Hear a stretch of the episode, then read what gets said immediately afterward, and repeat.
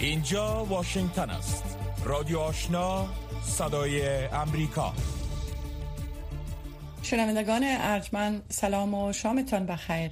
لیلا حبیب عزیمی هستم و امرایی همکارم رویا زمانی در برنامه خبری شام جمعه معرخ هشتم ماه جولای سال 2022 میلادی با اخبار و گزارش های شامگاهی رادیو آشنا صدای امریکا.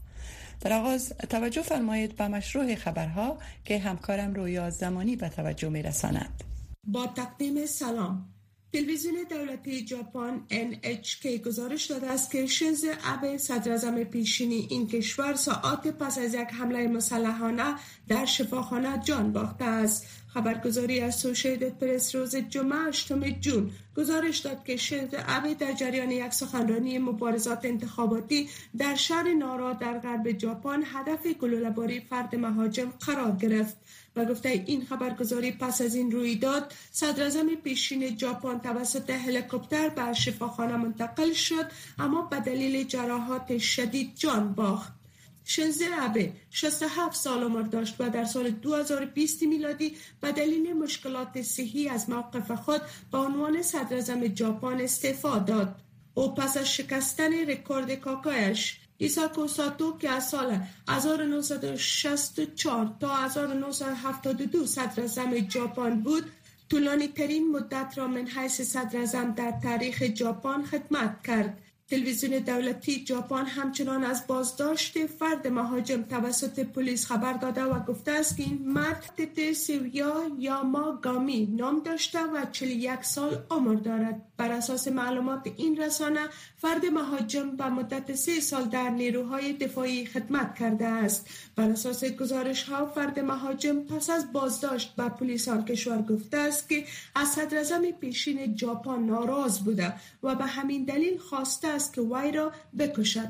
پلیس ژاپن گفتند که تحقیقات در مورد ترور این مقام پیشین ژاپن جریان دارد. فقیر الله فایق رئیس شورای علمای طالبان می‌گوید که هبت الله خونزاده رهبر طالبان با گشایش مکاتب دختران مخالفت ندارد و دروازه های مکاتب بزودی برای دختران باز خواهند شد. رئیس شورای علمای طالبان در مصاحبه به صدای امریکا گفت که یگانه علت باز نشدن مکاتب دختران این است که سنوف آنان باید جدا باشد. این در حالی است که در طول دو دهه گذشته مکاتب دختران و پسران جدا بوده و حتی اکثریت استادان و مامورین مکاتب دختران نیز زنان بوده است. پس از تسلط دوباره طالبان بر افغانستان در ماه آگوست سال گذشته دروازه های مکاتب متوسطه و لیسه برای دختران مسدود شد. وزارت داخله حکومت طالبان می‌گوید که به مناسبت روزهای عید قربان در سراسر افغانستان تدابیر شدید امنیتی گرفته شده است. عبدالنافع تکور سخنگوی این وزارت با فرستادن پیام به خبرنگاران گفته است که برای تامین امنیت مردم در روزها و شبهای عید نیروهای امنیتی طالبان تلاش خواهند کرد. وزارت داخله طالبان از مردم خواسته است که با دیدن تحرکات مشکوک آن را به نیروهای امنیتی طالبان اطلاع دهند. از سوی دیگر رئیس وزرای طالبان گفته است که مردم در مساجدی که نماز جمعه برگزار می شود نماز اید را نیز ادا کنند. در خبر دیگر مارکس پوتزل معاون نماینده خاص سرمنشی سازمان ملل متحد برای افغانستان در پیامی به مناسبت اید گفته است که این سازمان شریک و حامی افغانها در تلاشهایشان برای دستیابی به ثبات سال دوامدار و یک آینده پرسعادت برای همه متحد خواهند ماند. دفتر هیئت معاونت سازمان ملل متحد در افغانستان به نقل از آقای پاتزل در فیسبوک نوشته است که برای تمامی افغانها ایده مملو از صلح و صمیمیت را آرزو می‌کنند دفتر هماهنگی امور کمک های بشری سازمان ملل متحد یا اوچا از آواره شدن هزاران نفر به شمول زنان و کودکان در ولسوالی بلخاب ولایت سرپل خبر داده و گفته است که تلاش ها برای کمک به آنان ادامه دارد. در ادامه خبرها از امواج رادیو آشنا صدای امریکا حمله روسیه بر اوکراین در صدر آجنده ملاقات انتونی بلینکن وزیر خارجه ایالات متحده با وزیران خارجه گروه 20 اقتصاد بزرگ جهان یا جی 20 در اندونزیا است. جزئیات بیشتر را از قدیر مشرف مشنوید پیش از آغاز اولین جلسه این نشست بلینکن با وزرای خارجه فرانسه، آلمان و بریتانیا و تیمبار و مدیر سیاسی این کشور دیدار کرد. نت پرایس سخنگوی وزارت خارجه امریکا روز جمعه طی اعلامیه گفت که آنها در مورد تلاش های مشترک برای فراهم کردن حمایت های امنیتی و بشردوستانه اضافی به اوکراین صحبت کردند تا راههایی را برای رفع نگرانی های امنیت غذایی جهانی که ناشی از حمله عمدی روسیه بر زراعت اوکراین رونما شده است بررسی کنند. آقای بلینکن پس از دیدار با سوبر همانیام جیشنکر وزیر امور خارجه هند که کشورش سال آینده میزبان گروه جی 20 خواهد بود گفت که این سازمان یک نهاد حیاتی برای تلاش جهت مقابله جمعی با برخی از مهمترین مشکلات و چالش است که جهان با آن مواجه شده است. مقامات امریکایی می‌گویند که انتونی بلینکن وزیر امور خارجه امریکا به گونه جداگانه با سرگی لاوروف وزیر امور خارجه روسیه ملاقات نخواهد کرد. در خبر دیگر اندونزیا در آغاز نشست 20 کشور بزرگ صنعتی جهان امروز جمعه خواستار پایان جنگ در اوکراین شد. رینتو مارسودی وزیر خارجه اندونزیا در این نشست. در حالی که سرگی لاوروف وزیر خارجه روسیه نیز حضور داشت گفت که این مسئولیت ماست که زودتر جنگ را پایان بخشیم و مخالفت های خیش در میدان جنگ نه بلکه در میز مذاکره حل کنیم. او افزود که جهان از مشکل همهگیری ویروس کرونا در حال بیرون شدن بود که با بحران دیگر یعنی جنگ اوکراین مواجه شد که تاثیرات آن در تمام جهان در بخشهای مواد غذایی انرژی و مالی حس شده است و مانند همیشه کشورهای در حال توسعه و کشورهای کم درآمد بیشتر از آن متاثر شدند. اندونزیا که روابط دوستانه با ایالات متحده دارد پیش از این خواستار پایان جنگ اوکراین بدون پذیرفتن فشارهای غرب برای انزوای سیاسی و اقتصادی مسکو شده بود. اندونزیا ریاست نشست بر عهده دارد به وزیر خارجه روسیه اجازه اشتراک داد اما از وزیر خارجه اوکراین نیز دعوت کرده است که به گونه مجازی حضور خواهد یافت. وزیر عدلیه ایالات متحده اعلام کرد که درک شون افسر پیشین پلیس منپالس به جرم قتل جورج فلوید سیاه و نقض حقوق یک کودک 14 ساله و 21 سال زندان محکوم شد. جورج فلوید به تاریخ 25 می سال 2020 توسط پلیس شهر منپولیس ایالت منسوتا آمریکا به زن داشتن 20 دلار پول جعلی بازداشت شد. در هنگام بازداشت وی دیرک شون برای نزدیک به 9 دقیقه برگردن آقای فلوید زانو زده بود. در آن وقت ویدیوهای نشر شده جورج فلوید 46 ساله را نشان می‌داد که با کرات به افسر پلیس می‌گوید نمی‌تواند نفس بکشد. و لوی سارنوال عربستان سعودی هشدار داد که حج یک فریضه شرعی است و هر گونه شعارهای حزبی یا در این مراسم ممنوع است و به شدت مجازات خواهد شد. سعود المجیدا لوی سارانوال عربستان سعودی در نشست افتتاحیه دفتر سارانوالی موسوم حج این هشدار را داده است. در سالهای گذشته نیروهای امنیتی عربستان با زایرین ایرانی به دلیل سردادن شعارهای سیاسی در مراسم حج به شدت برخورد کردند. زایرین ایرانی می‌گویند که حج یک مراسم سیاسی و مذهبی است. شنونده های محترم این بود مشروع خبرها تا این لحظه. از امواج رادیو آشنا صدای امریکا روایت امروز. مصاحبه ها گزارش ها و تحلیل ها در مورد وضعیت کنونی افغانستان و جهان هر شب از ساعت نونیم تا ده شب از امواج رادیو آشنا صدای امریکا.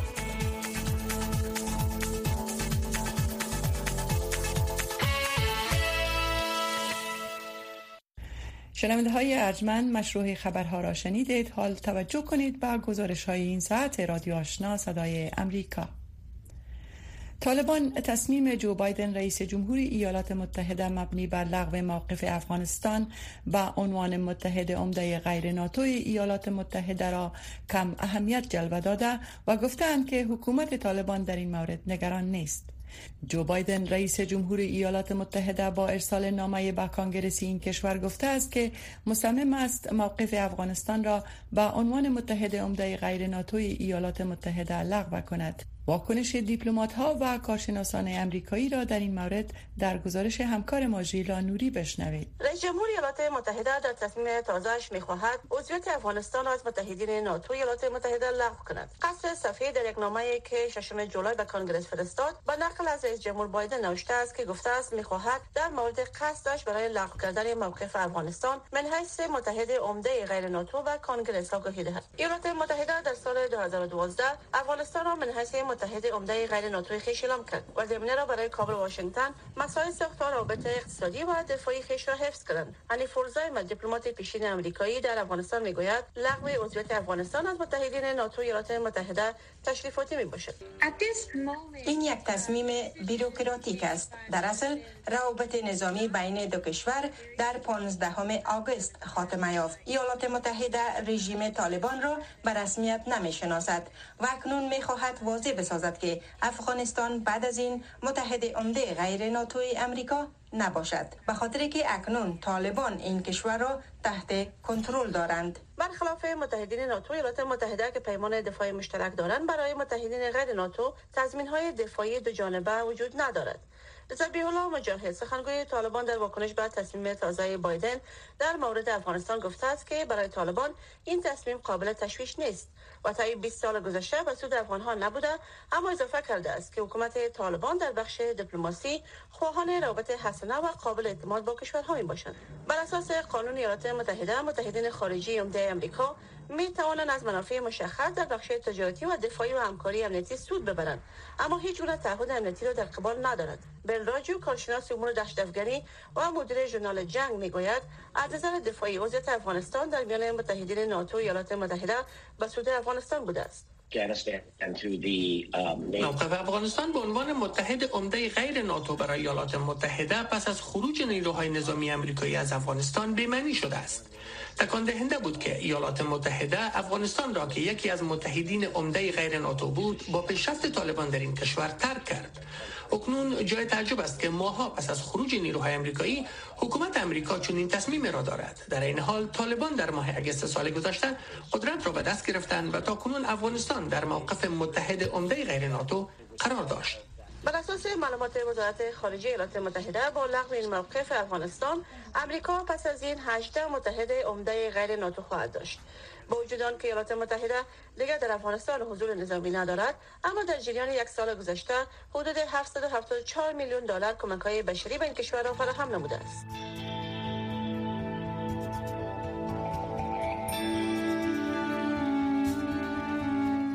صبح را با رادیو آشنا آغاز کنید.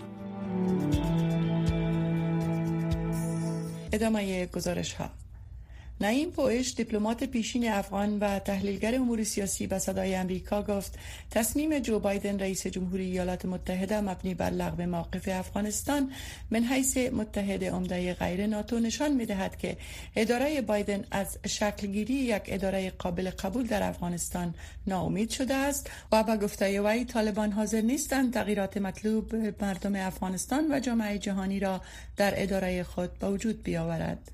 آقای پویش اضافه کرد که این تصمیم بایدن جایگاه افغانستان را به صورت کلی در دیپلماسی امریکا در موقعیت پایین تره قرار می دهد. مصاحبه همکارم سهر عظیمی با آقای پویش را پیشکش شما می کنیم. فکر می‌کنید چه عواملی باعث شده که یک سال بعد از اتفاقات رئیس جمهور بایدن به این فکر افتادن؟ مهمترین عامل در واقع ناامیدی اداره بایدن از شکلگیری یک اداره قابل قبول در افغانستان برای جهان است و نشان میده که اداره بایدن به این نتیجه رسیده که طالبا حاضر نیستند تغییرات تحولات را در سیستم خود به وجود بیارن که مورد پذیرش جهان شوند و همچنین مورد پذیرش مردم افغانستان شوند. بنابراین با این تصمیم خودش جایگاه افغانستان را به استاد دیپلماسی به یک موقعیت پایینتر تنظیم داد. فکر می‌کنین این نوع برخوردی که آقای بایدن در حال حاضر نشان دادن شیوه به خاطر ایجاد فشار بیشتر به طالبان و تمکین طالبان خواهد بود؟ فشار شاید نه به خاطر که اداره بایدن به خوبی می‌فهمه که طالبان به این مسائل زیاد اهمیت نمیدن اما دلیل عمدهش احتمالا است که خود از تعهدات و الزامات که در برابر افغانستان به عنوان یک متحد داره خلاص کنه دلیل از که تعهد امریکا افغانستان بود نه طالبان. و موقعیت افغانستان به عنوان یک متحد امریکا یک سلسله الزامات اخلاقی را در در برابر افغانستان به امریکایی ها ایجاد می‌کرد. اونا با خارج شدن افغانستان از این لست در واقع خود از اون الزام ها و نجات یافته تصور با در نظر داشته وضعیت کنونی اقتصادی و سیاسی و فقری که دامنگیر مردم در افغانستان هست این تصمیم رئیس جمهور بایدن چه عواقبی برای این کشور به دنبال خواهد داشت به نظر شما؟ متاسفانه تصمیم آقای بایدن درسته که در کانتکست فعلی و با حضور طالبا تاثیرات و اهمیتش کم است اما در بلند مدت تصمیم آقای بایدن یک ضربه بسیار کلان به افغانستان است و دلیل از اینکه جایگاه افغانستان در دستگاه دیپلماسی آمریکا پایین میاره. در کمک های امریکا و کمک های جامعه جهانی کسانی که خاطر متحد امریکا بودن تا به افغانستان کمک می‌کردن. مثال مثال کره جنوبی بدون هیچ علاقه مستقیم به افغانستان به خاطر از اینکه هر دو متحد امریکا بودن به افغانستان کمک های زیاد می‌کرد. این کمک ها به افغانستان کاهش خواهد یافت و حتی بعد از طالبان در صورت که اداره جدید وجود بیایه اداره جدید بسیار مشکل خواهد بود که جایگاه گذشته پس بتانه احیا بکنه. که در اون صورت ما یک سلسله از همکاری ها فرصت های امنیتی و نظامی و همچنین فرصت های اقتصادی از دست خواهد قسمی که در گزارش هم شنیدید حکومت طالبان گفته که در مورد این تصمیم رئیس جمهور امریکا هیچ نگرانی نداره. در حالی که طالبان به خاطر به رسمیت شناخته شدن حکومتشان تقلا دارن فکر می‌کنین این گونه موقف گیری از کجا منشأ می‌گیرن از از ناچاری طالبان می‌فهمند که به حال هیچ نوع عکس‌العمل نمی‌تونن در برابر تصمیم امریکا نشان بدن. اما طالبان شدیداً خواهان علاقه و توجه امریکا هستند. خواهان شناخته شدن توسط ایالات متحده آمریکا هستند. و حتی در موافقت نامه دو هم طالبا بر تداوم یا رابطه تبدیل با حکومت پیشین در اداره بعدی که طالبا بخش از اون باشن یا توسط طالبا تشکیل شود تحقیق کرده بودن و تعهد مقابل از امریکا گرفته بودن. بله. اما وقتی که این تصمیم رو می‌بینن چاره جز پذیرش چاره جز پذیرش تصمیم امریکا ندارن. بدین فکر می‌کنین بقای حکومتی مانند طالبان که تاکنون مشروعیت منطقه‌ای و جهانی کسب نکرده و تو روابط دیپلماتیک عادی را با کشورهای همسایه ندارد تا چه حد هست؟ از نظر من تمام شواهد نشان میده که تداوم و بقای طالبا عملا غیر ممکن است. طالبا در به دست آوردن مشروعیت داخلی منطقی و بین المللی صورت مطلق ناکام شدن و مخالفت های که علیه طالبان شروع شده در افغانستان آنقدر جدی و شدید است که در مقایسه با مخالفت های که علیه نظام پیشین سال 2001 و 2002 بود. بسیار بسیار زیادتر است و این مومنتم در صورت که ادامه پیدا کنه طالبان شاید تا سه سال دیگه سرنگون رادیو آشنا صدای امریکا. منبع موثق خبرها و گزارش های جهان و افغانستان. گزارش های این ساعت را از رادیو آشنا صدای امریکا دنبال می.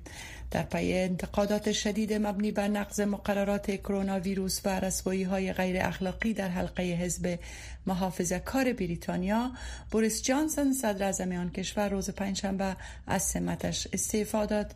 آقای جانسن حدود سه سال قبل به قدرت رسید با وجود آنکه توانست روند خروج بریتانیا را از اتحادیه اروپا تکمیل کند. اما فشارهای اخیر از جانب مخالفین سیاسی و حتی هم آیش او را داشت تا از سمت رهبری حزب محافظه کار و صدارت بریتانیا کنارگیری کند. شرح بیشتر در این مورد را همکارم سید عزیز رحمان تقدیم می کند بوریس جانسون صدر بریتانیا پس از چندین روز مبارزه برای حفظ سمتش در نهایت روز پنجشنبه کنارگیری از قدرت را اعلان کرد. It is clearly now the will of the Parliamentary Conservative Party that there should be a new leader آقای جانسون با دلیل نادیده گرفتن مقررات قرنطینه کرونا ویروس با شمول راه اندازی حداقل دوازده زیافت خصوصی در دفتر کارش از سوی مخالفین سیاسیش به نقض قانون متهم شد. بوریس جانسن اعتماد را که بر شده بود نقض کرد. او باید درک کند که بیشتر از این صلاحیت اخلاقی برای رهبریت را ندارد و برای او تمام شده است. بوریس جانسن سپس به اتهام بیتوجهی و رفتار نامناسب با یکی از ناظران در مجلس نمایندگان نیز هدف انتقاد قرار گرفت. آقای جانسون برای راه اندازی مهمانی ها در جریان قرنطین پس از آنکه از سوی پلیس جریمه شد در میان موج از انتقادات عذرخواهی کرد. می خواهم امروز را با تجدید عذرخواهی خود از مجلس نمایندگان و تمام کشور به دلیل زیافت 19 جون سال 2020 در اتاق کابینه آغاز کنم. آقای رئیس مجلس می خواهم بگویم که مسئولیت همه آن چیز را میپذیرم که تحت نظر خودم اتفاق افتاد. بوریس جانسون در جولای سال 2019 به قدرت رسید. و تعهد کرد که برگزیت یا خروج بریتانیا از اتحادیه اروپا را تکمیل کرده و این کشور را از وضعیت پیش آمده پس از همپرسی سال 2016 در خصوص برگزیت نجات خواهد داد. برای هر دو طرف در نشست حیاتی 17 اکتبر فرصت زیادی وجود خواهد داشت. برای اعضای پارلمان فرصت زیاد وجود خواهد داشت که در مورد اتحادیه اروپا، برگزیت و دیگر موضوعات بحث کنند.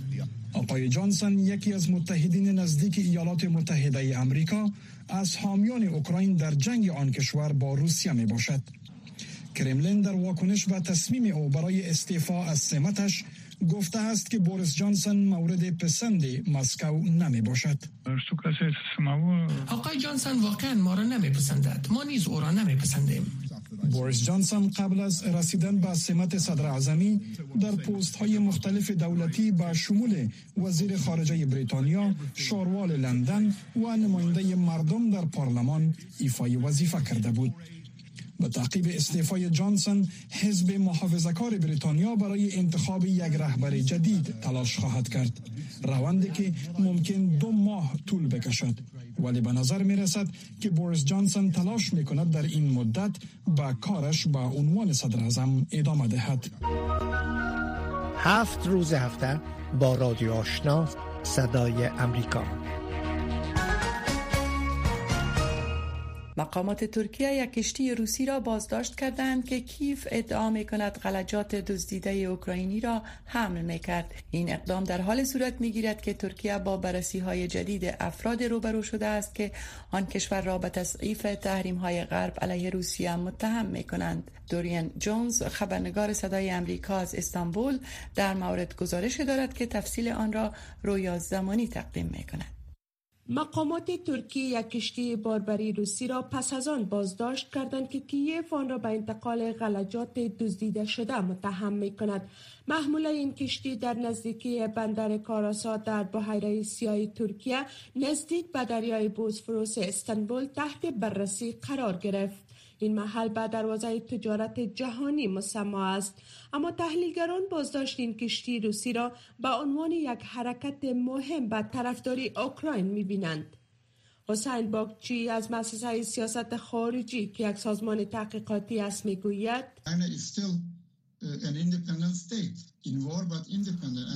اوکراین هنوز هم یک کشور مستقل در حال جنگ اما مستقل است. درخواست آنها از حکومت ترکیه برای کنترل این کشتی بجاست و ترکیه هم بر بنیاد همین امر عمل کرده است.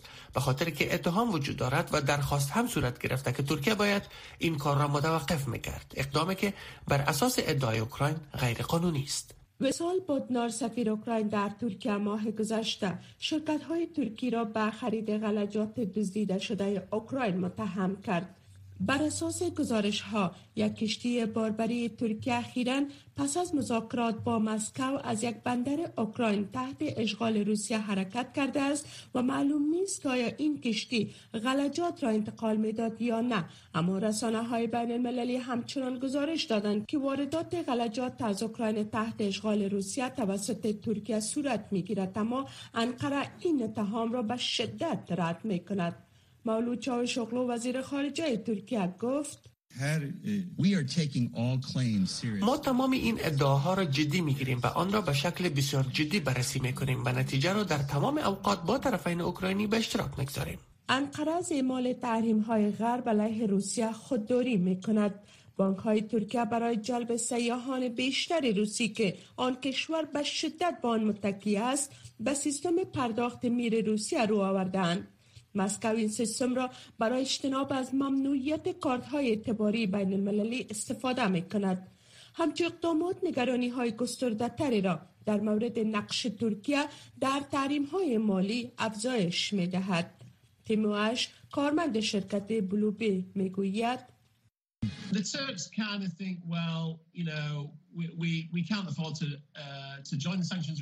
ترک ها به نوع به این فکر هستند که نمی‌توانیم به رژیم تحریم بپیوندیم. من پک ترک ها به نوع به این فکر هستند که ما نمی‌توانیم به رژیم تحریم بپیوندیم. من از مقامات مختلف دولتی ترکیه شنیدم که آنها به طور بالقوه این را به عنوان فرصتی برای درآمد پول میپندارند. والی ادیمو معاون وزارت مالیه امریکا برای مذاکرات در مورد اعمال تحریم ها بر روسیه در ماه جون به انقره سفر کرد. تحلیلگران هشدار می دهند که ترکیه ممکن با تحریم های نسبی واشنگتن روبرو شود. این در حال است که انقره می گوید که تلاش های میان جیگری آن کشور میان کیف و مسکو با اعمال تحریم ها ممکن با خطر مواجه گردد.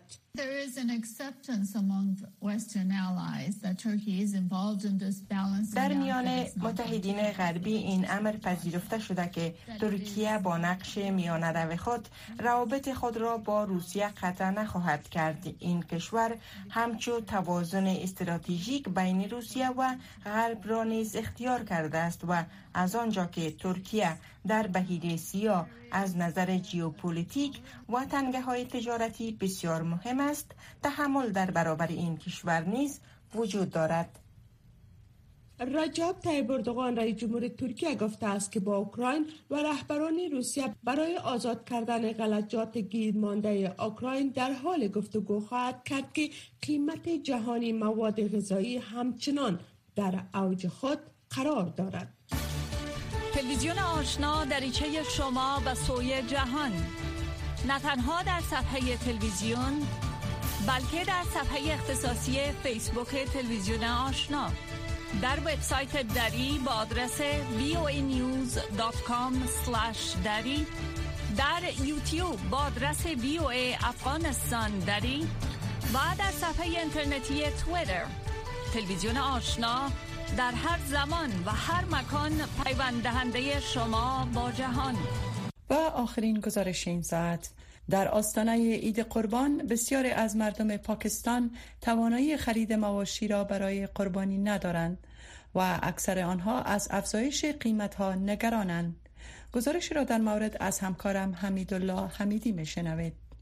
در آستانه فرارسیدن عید قربان قیمت مواشی در مارکت های پاکستان نسبت به سالهای گذشته بلند رفته است. و مردم از اینکه نرخ آن بلند رفتهاند تمایل زیاد به خرید آن ندارند. نزاکت خان که 48 سال عمر دارد و در شهر کراچی پیشه کارگری دارد می‌گوید وی توان خریداری را برای قربانی ندارد. قربانی ہم نے کی تھی اس بار مہنگائی کی وجہ سے ہم قربانی نہیں کر پائے۔ سال گذشته قربانی کردیم ولی امسال توان آن را نداریم. قیمت مواشی بسیار بلند رفته است. من حتی نمی‌توانم نفقه خانواده خود را تهیه کنم.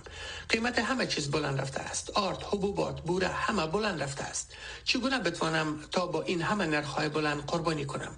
اولادهایم همیشه اصرار می‌کنند تا قربانی کنیم ولی توان آن را ندارم تاجران می‌گویند که آنها برای خرید این مواشی قیمت گزاف را می‌پردازند. محمد شاهد یک تن از فروشندگان مواشی می‌گوید که افزایش قیمت در سایر مارکت ها سبب شده است تا نگهداری و مراقبت از این حیوانات نیز برایشان قیمت تمام شود. و به این دلیل نرخ بالای مواشی نیز تاثیر گذاشته است. ما برای 20 روز فقط دو لک و 25 هزار کلدار برای اجاره این محل می پردازیم و مشتریان زیاد جنجال می کنند قیمت مناسب را نمی پردازند امداد حسین که می‌خواهد برای امسال قربانی نماید در جستجوی قیمت مناسب می باشد وی از افزایش قیمت مواشی نیز شکایت دارد. یافتن حیوانات قربانی خسته کننده است. تاجران مواشی را که قیمت آن باید به 150 هزار کلدار باشد حالا آن را به قیمت گذاف 500 هزار کلدار میفروشند. نمی‌دانم که توانایی پرداخت آن را دارم یا خیر ولی از توان من بالاست. مردم می‌گویند که با افزایش نرخ در سایر مارکت های دیگر مانند نفت و خوراکجات قیمت مواشی نیز بیش از حد در سال جاری بلند رفته است. اخیرا بر اساس گزارش رسانه های پاکستانی قیمت یک لیتر پترول 15 روپیه و یک لیتر دیزل 13 روپیه افزایش شده است. در ضمن نرخ مواد سوخت مانند تیل خاک هم بلند رفته است. گفته می شود که در یک ماه گذشته قیمت یک لیتر مواد نفتی 100 روپیه کلدار افزایش یافته است. شنونده های ارجمن برنامه خبری دری در شامگاه هشتم ماه جولای سال 2022 میلادی از امواج رادیو آشنا صدای امریکا در همین جا خاتمه مییابد. اما فراموش نکنید که نشرات ما ادامه دارد. تا برنامه بعدی شام خوشی داشته باشید.